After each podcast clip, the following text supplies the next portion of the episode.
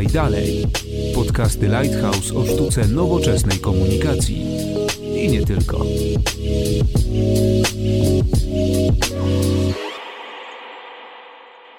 Dzień dobry, Konrad Domański. Zapraszam na 22 odcinek podcastu Lighthouse Podaj Dalej, w którym porozmawiamy dzisiaj o e-sporcie. Porozmawiamy o komunikacji w e-sporcie, porozmawiamy troszkę o popularyzacji tej dziedziny rywalizacji życia codziennego. Naszymi gośćmi będą dzisiaj Adrian Kostrzębski, ESL oraz Grzegorz Szabla, Riot Games. Bardzo miło. Panowie, podejście do sportu na przestrzeni ostatnich lat y, zmieniło się na tyle mocno, że dla wielu to, to właśnie ta elektroniczna rywalizacja online jest, jest ważniejsza od tej tradycyjnej. I, chciałbym y, wrócić troszkę do waszych początków z branżą. Od czego się tak naprawdę w waszym przypadku zaczęło? Czy od razu to był e-sport, czy, czy, jednak, czy jednak to po prostu były może gierki, może jakaś inna dziedzina? Zacznij ty, Adrian. Dobrze, to jak mam zacząć, to u mnie zaczęło się od razu od e-sportu. U mnie zaczęło się od razu od Counter-Strike'a. E, Był to czas kafejek internetowych, kiedy stałe łącze było tylko marzeniem wielu. Internet z kablówki dostępny dla niewielu. Miałem to nieszczęście e, w całym szczęściu, że mieszkałem w domku jednorodzinnym. Stąd na początku tylko i wyłącznie magiczny modem e, 020 0202 122. Dokładnie tak, był, był dostępny. Kilka razy dostałem przysłowiowe wciry za wysokość rachunku telefonicznego, ale mm, nawiązując do pytania, tak, to ja zacząłem od e-sportu, Counter-Strike od, od początku. Tak już jest, jestem przy tym e-sporcie prawie 15 lat. No i u mnie podobnie, to znaczy ja jestem po, podobnie jeśli chodzi o wymiar czasowy, bo ja też jestem w gamingu od e, prawie 15 lat. E, Prywatnie zaczynałem też od Counter-Strike'a. Pamiętam, że był taki czas, kiedy ja wróciłem ze studiów w Australii i postanowiłem, że chcę pracować albo w filmie, albo w muzyce, albo w grach. E, W związku z tym okres szukania pierwszej pracy znacząco się wydłużał, a ja spędzałem ten czas na dole w kawiarence internetowej, która znajdowała się u mnie w bloku i to był Counter-Strike. Pamiętam, pamiętam że nawet, nawet swój pierwszy nick nazywam się Wicher.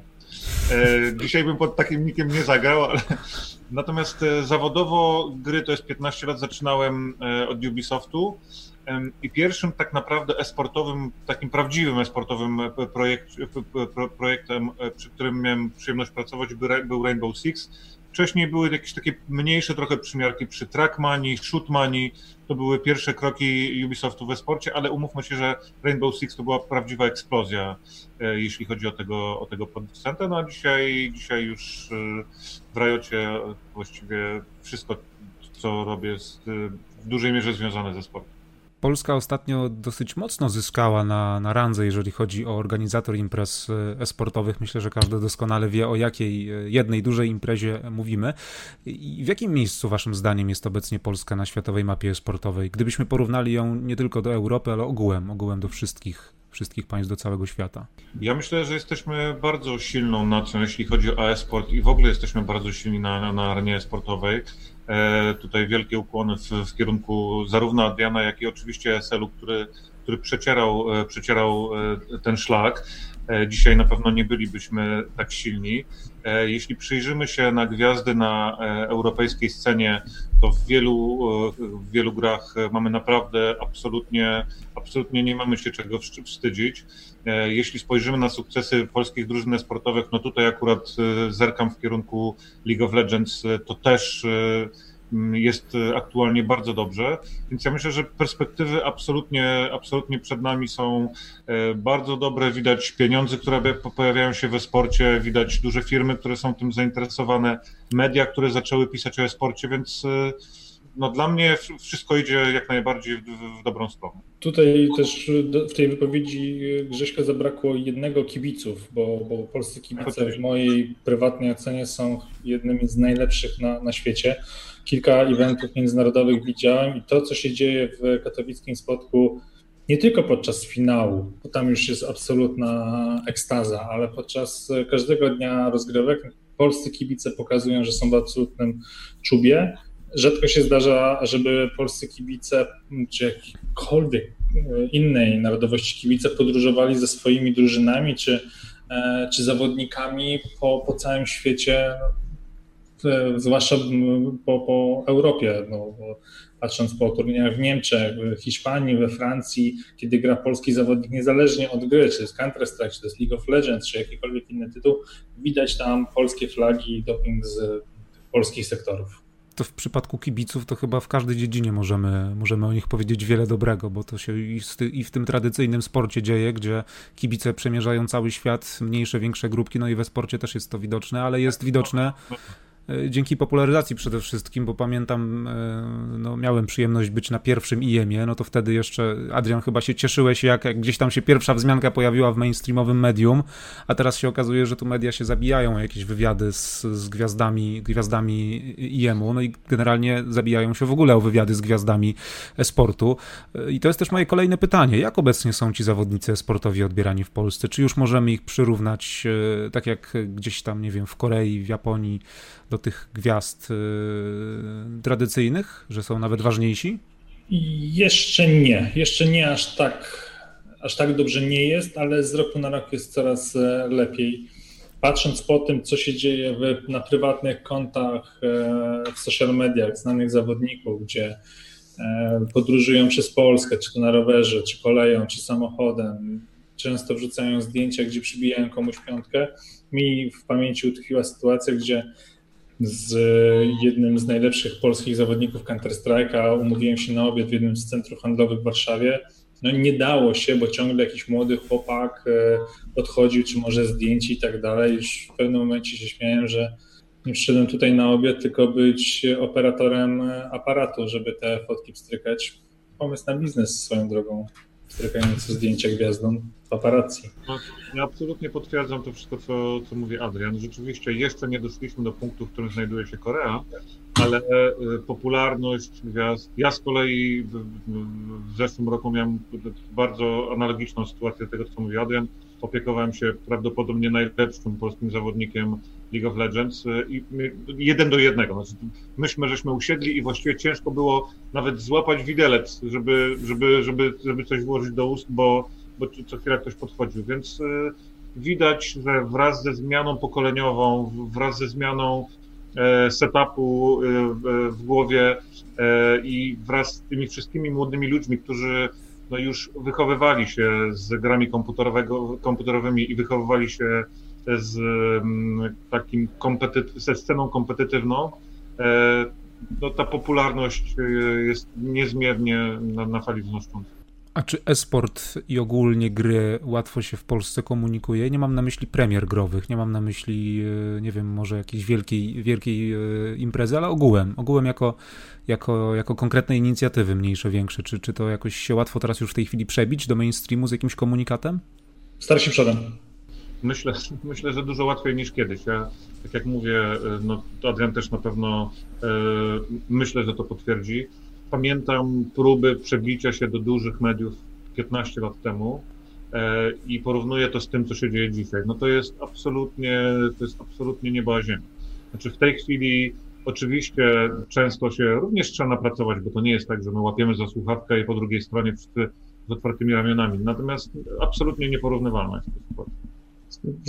Zdecydowanie tak. Bo tutaj oczywiście musimy wyjąć przed nawias e, taką imprezę, jaką jest AIM, no bo siłą rzeczy jest to jedna z największych imprez, więc media bardzo szybko podłapują ten temat. No jeżeli mówimy o takich rozgrywkach stricte ligowych, no tutaj już o wiele więcej pracy trzeba, trzeba wnieść, ale na pewno jest łatwiej. To już nie jest na tej zasadzie, że dzwonimy dzień dobry, e, organizujemy taką imprezę sportową do takie rozgrywki e, i najpierw pół rozmowy spędzamy na wytłumaczeniu, co to jest, z czym to się je, tylko ta, ta wiedza już jest, więc i dziennikarze, i świat biznesu e, wiedzę o e-sporcie mają.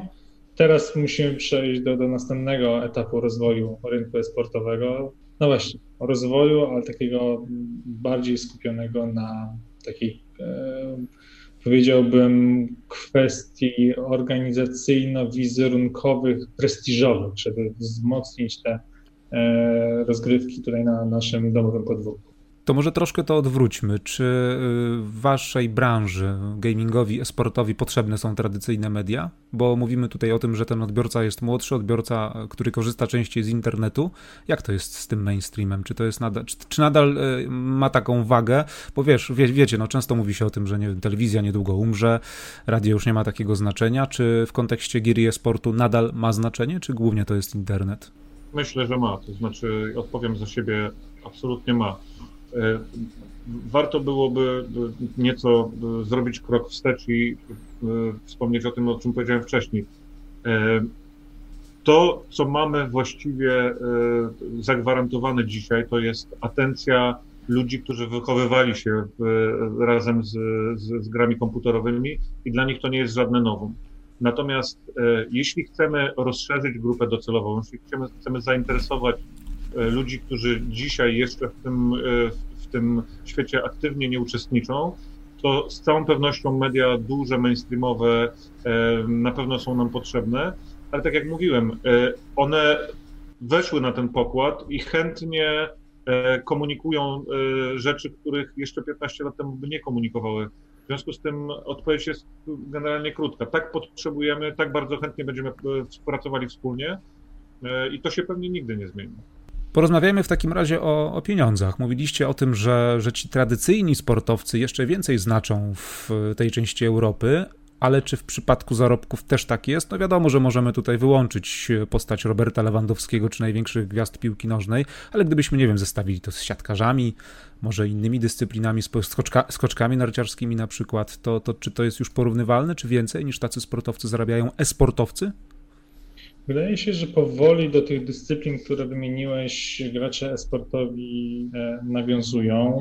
Oczywiście nie we wszystkich dyscyplinach, no bo są dyscypliny w esporcie lepiej płatne, tak jak jest League of Legends, Counter-Strike. W mojej prywatnej ocenie są to dwie najbardziej dochodowe z perspektywy zawodników e, dyscypliny, ale są też takie, których te dochody nie są aż tak e, wysokie mm, jak na przykład StarCraft 2 ale te stawki na pewno rosną, tylko pytanie, czy nie rosną za szybko. Ja jestem olbrzymim optymistą, jeśli chodzi o rynek eksportowy. Robię wszystko, żeby ten rynek się powiększał, a jednak czasami lubię stopować zapędy. Oczywiście ludzie są tacy, że chcą zarabiać jak najwięcej, jak najszybciej, ale czasami też trzeba pamiętać o tym, że takie zachowanie może doprowadzić do pewnego przegrzania na, na rynku. No i tutaj konsekwencje mogą być zdecydowanie Mm, przykre dla, dla wielu osób. E, ale myślę, że ci najlepsi sportowcy absolutnie nie mają e, czego żałować, że wybrali karierę sportową, e, bo mając 30-35 lat są już na takim etapie, że mogą bezpiecznie podążać przez swoje życie, nie obawiając się tego, że czegoś im zabraknie za, za miesiąc czy za dwa. Tak, no ja może dwie rzeczy dorzucę, dorzucę do tego, co powiedział Adrian. Po pierwsze, y, z karierą e-sportowca, ja, ja nie lubię generalnie porównać do, do sportu jako takiego, no ale skoro znaleźliście w tym miejscu, to, to się ustosunkuje. E, z karierą sportowca jest dokładnie tak samo jak z karierą sportowca. To znaczy, jeśli jesteś dobry, to masz szansę dojść na szczyt i zarabiać naprawdę dużo pieniądze, duże pieniądze. Natomiast istnieje spore ryzyko, że wcale taki dobry nie będziesz. Jeśli postawisz wszystko na jedną kartę, no to możesz się srogo rozczarować. W związku z tym ja też przestrzegam, bo e, jeszcze 10-15 lat temu graczy, którzy naprawdę decydowali się na profesjonalną karierę, było stosunkowo, no, może nie, było dużo mniej niż dzisiaj. Dzisiaj ta konkurencja jest gigantyczna, również w świecie sportowym. Więc przebicie się do poziomu, w którym naprawdę będziesz zarabiał tyle, że będziesz mógł się z tego utrzymać, no wcale nie jest, wcale nie jest proste. Tak jak mamy w piłce nożnej, przepraszam, że wejdę w słowo, prawda? No bo to, e, często trenerzy piłki nożnej powtarzają trenuj, bądź systematyczny, rozwijaj się, ale miej z tyłu głowy, że możesz nie być tym następnym Lewandowskim. Przecież szkółek piłkarskich w Polsce mamy całe multum. Tak, tak. Ilu mamy zawodników, którzy są na poziomie pana Lewandowskiego? No niewielu. Tak? Oczywiście to proces szkolenia, bardzo długi, w bardzo wydłużonym czasie, ale też warto, żeby zawodnicy o tym pamiętali, że tak, marzenia są świetne, ale żeby też racjonalnie i z chłodną głową podchodzić do tematu. Tak, i wreszcie druga analogia, która mi się nasuwa, to y, rzeczywiście też są dyscypliny esportowe mniej popularne i bardziej popularne, dokładnie tak samo jak w świecie sportu. Znaczy, możemy mówić o piłce nożnej versus, nie wiem, ping-pongu, tak? Albo o y, właśnie League of Legends versus TFT. Posłużę się przykładem Riota, żeby, żeby jakby nikt się tutaj nie, nie obraził. No, popularność tych obu gier jest w ogóle totalnie różna, co nie znaczy, że na obu nie można zarabiać na życie, tak? Można ale trzeba być naprawdę fenomenalnym graczem. Słuchajcie, a nie wiecie, y, dlaczego na przykład FIFA, y, czyli ta wirtualna piłka nożna, nie osiąga y, takiego sukcesu jak tradycyjna? Gdzie tu leży problem? Bo to, to mnie zawsze interesuje, że gdzieś mówi się, o, mówi się o League of Legends, mówi się o CS-ie, no a tej FIFA jakby nie ma w tych najpopularniejszych dyscyplinach sportowych. Mi się wydaje, że zarówno przekleństwem, jak i błogosławieństwem FIFA jest to, że jest odzwierciedleniem sportu tradycyjnego. I psychika ludzka jest tak skonstruowana, że jeżeli ma możliwość oglądania dosłownie tego samego, czy żywych e, piłkarzy, czy tych wirtualnych, wybierze raczej tych, tych prawdziwych. To też, też nie demonizujemy, bo, bo oglądalność FIFA wcale taka słaba nie jest, e, ale oczywiście jeśli chodzi o, o dysproporcję między tymi kluczowymi tytułami mm, sportowymi, ona jest dosyć duża, ale ten sam przykład mamy też w sim racingu. Oglądalność e, czy Formuły Pierwszej, czy innych serii wyścigowych jest znacznie, znacznie, znacznie wyższa niż tych wirtualnych. Co do sim racing też dopiero teraz w czasie koronawirusa, lockdownu troszeczkę przyspieszył, wyszedł z cienia w niszy w esporcie, bo tak to trzeba nazwać. E, ale moje zdanie na ten temat jest właśnie tak jak powiedziałem. Ludzie preferują oglądać żywych piłkarzy, aniżeli tych wirtualnych. Bardzo możliwe. Ja szczerze mówiąc nigdy się nad tym nie zastanawiałem. Rzeczywiście no, takie są fakty. Niewykluczone, że jest tak jak e, mówi Adrian. No na pewno też, e, choć nie wiem czy to... No, fakty są takie, że w FIFA gra jeden zawodnik, jednego zawodnika.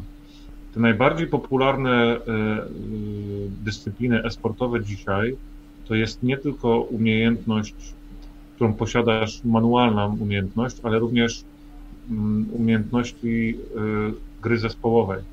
Jeśli przyjrzymy się właśnie najpopularniejszą grą, to tak jest. Może to również z tego wynika, nie wiem, ciężko mi powiedzieć. Jak bardzo lockdown przyczynił się do, do wzrostów we sporcie i w gamingu w ogóle? Czy waszym zdaniem to jest bardzo zauważalne? Bo, bo, bo wydaje się, że, że faktycznie no, to ogólnie jest e, bardzo słaba sytuacja, że do tego doszło, ale, ale no, no, no gaming e, i e-sport e, raczej na tym chyba skorzystał. Mogę powiedzieć tak, że gdybyś, gdybym dzisiaj pokazał na tym wykresie unikalnych użytkowników, E, naszych gier, to z, pewnością wiedzielibyście, kiedy zaczął się lockdown i kiedy zaczął być powoli luzowany. Tak, no naturalnie ludzie mieli dużo więcej wolnego czasu, który musieli jakoś spędzić, e, więc konsumowali media. E, jestem przekonany, że bardzo podobnie było w przypadku Spotify'a czy Netflixa, tak? No my żeśmy zauważyli bardzo duży zysk. U nas to samo. Wraz z lockdownem młodzi ludzie garnęli się do turniejów.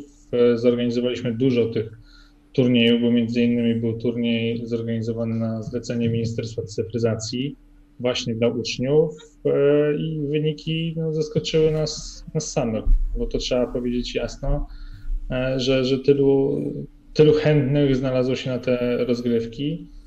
No i tak samo jak Grzegorz powiedział, widać kiedy się zaczęło, widać kiedy zaczęło się luzowanie i jeszcze bardziej widać kiedy zaczęła się e, piękna, słoneczna pogoda no ale tak samo będzie widać, kiedy zacznie się rok szkolny i zacznie się psuć pogoda. To jest naturalny cykl w esporcie.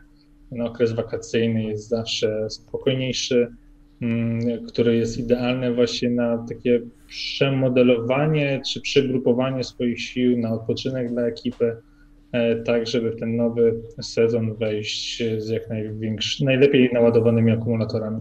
No i też wygląda na to niestety, że jesień będzie raczej w online, a nie w offline. Znowu to jest też problem z drugiej strony dla tych wielkich imprez, które się odbywają. No wy przecież e, Intel Extreme Masters to tradycyjne, musieliście, musieliście odwołać w tym roku. I, i, I w kontekście tego za chwilkę trochę porozmawiamy jeszcze, w kontekście jemu właśnie, ale chciałem zapytać o, o sponsoring e, ogólnie e-sportu, drużyn sportowych. Czy firmy chętnie w tej chwili wykładają sporą gotówkę na wspieranie drużyn, na wspieranie turniejów? To, to oczywiście wszystko zależy od tego, co dla kogo jest y, dużą gotówką, bo e, im większa liga, tym i potrzeby większe. Ale widać zainteresowanie, ale widać też, nie chcę powiedzieć niepokój, ale ostrożność w podejmowaniu decyzji. Jakby ta, ta niepewność tego, co nas czeka za miesiąc, za dwa, za trzy, działa na wyobraźnię wszystkich, ale to też nie jest tak, że e, nie dzieje się absolutnie nic, no bo firmy cały czas funkcjonują, cały czas chcą e, napędzać swoją sprzedaż, cały czas chcą inwestować swoje pieniądze. E, no ale tak jak wspomniałem, widać delikatny niepokój. Tak, no ten niepokój w dużej mierze jest związany z tym, co się stało wraz z, z lockdownem, tak? Bardzo wiele marek, e, bardzo wiele firm po prostu cięło, cięło budżety, absolutnie nie wiedząc, co się wydarzy za miesiąc, dwa czy pół roku, tak? Natomiast, e, natomiast e, faktycznie dzisiaj duże marki, a w związku z tym również działy marketingu interesują się sportem e, i, i chętnie się w nim pojawiają. No ESL IM to jest znakomity przykład, tak? No, tam mamy, mamy naprawdę czołowe firmy, które współpracowały z ESL-em. Podobnie jest na naszym podwórku. Widzimy zainteresowanie bardzo dużych, bardzo dużych marek współpracujemy z nimi na co dzień, więc no, to znowu cofamy się troszkę. Wszystko idzie moim zdaniem w, w dobrym kierunku. Skoro już tak nawiązaliśmy kilka razy do tego IEM-u, to, to, to, pytanie do Adriana. Jaką przyszłość, jaka przyszłość przed Intel Extreme Masters w Katowicach? I kiedyś chyba ci to pytanie zadałem osobiście, ale myślę, że też można słuchaczom to przybliżyć. Dlaczego akurat Katowice? Oj, nie wiem, czy nam wystarczy programu, dlaczego odpowiedzieć, dlaczego Katowice. Czynników było kilka. Przede wszystkim e, bracia Pikiewicz, którzy zakładali polski oddział ESL, e, są z okręgu śląskiego, są z okolic Katowic. E, po drugie, radny, ówczesny radny miasta Katowice przeczytał wywiad z jednym z naszych pracowników, z Karmakiem, e, który opowiadał właśnie o samej idei Intel Extreme Masters, o tym, jak ten turniej wygląda i rzucił niezobowiązującą wiadomość na Facebooku, czy byłaby możliwość, żeby ta impreza przyniosła się właśnie do, do Katowic. I to nadało pewnego mm, tempa te, tym rozmowom. Zbieg miłych okoliczności sprawił, że w 2013 roku ta impreza pojawiła się pierwszy raz w Katowicach i została już tyle, tyle lat e, z nami. No i mamy nadzieję, że przez wiele, wiele następnych lat e, będzie to nadal. Czyli przewidujecie, że, znaczy przewidujecie, no macie pewnie nadzieję, że, że, że już uda się w przyszłym roku tradycyjnie zorganizować, ale czy jakieś przygotowania trwają? Jeśli nadal będzie lockdown, to czy, czy w online IM się odbędzie jakby tak wirtualnie troszkę w Katowicach? Bierzemy wszystkie scenariusze pod, pod uwagę. Już e, ta sytuacja nam pokazała, e, począwszy od tej imprezy, która odbyła się bez udziału publiczności, mm, że trzeba mieć zawsze wariant A, B, C, D, a czasami nawet G, H, I. E, I na tyle wariantów się przygotowujemy i w zależności od sytuacji ekonomicznej i pandemicznej, i ogólnie sytuacji na rynku sportowym, no, tak dostosujemy tą imprezę, żeby była jak najbardziej optymalna dla wszystkich stron. Grzesiek, teraz troszkę może, może pytanko do ciebie odnośnie współpracy pracy Riot ze społecznością, z rozgrywkami sportowymi, no bo stworzyliście grę League of Legends, która jak wiadomo żyje już od wielu lat, ponad dekada już istnienia i cały czas niegasnąca popularność. Niedawno pojawił się Valorant. Czy wszystkie zawody, te oficjalne, te mniej oficjalne, które się odbywają, muszą być z wami konsultowane, czy we wszystkich takich procesach musicie uczestniczyć i później to jakby sprawować pieczę nad tym wszystkim jako twórcy tych platform, tych gier? Staramy się, aby się tak działo. To znaczy nie dlatego, że chcemy, chcemy o, ściągać opłaty, bo te, te turnieje najmniejsze absolutnie odbywają się bez opłat.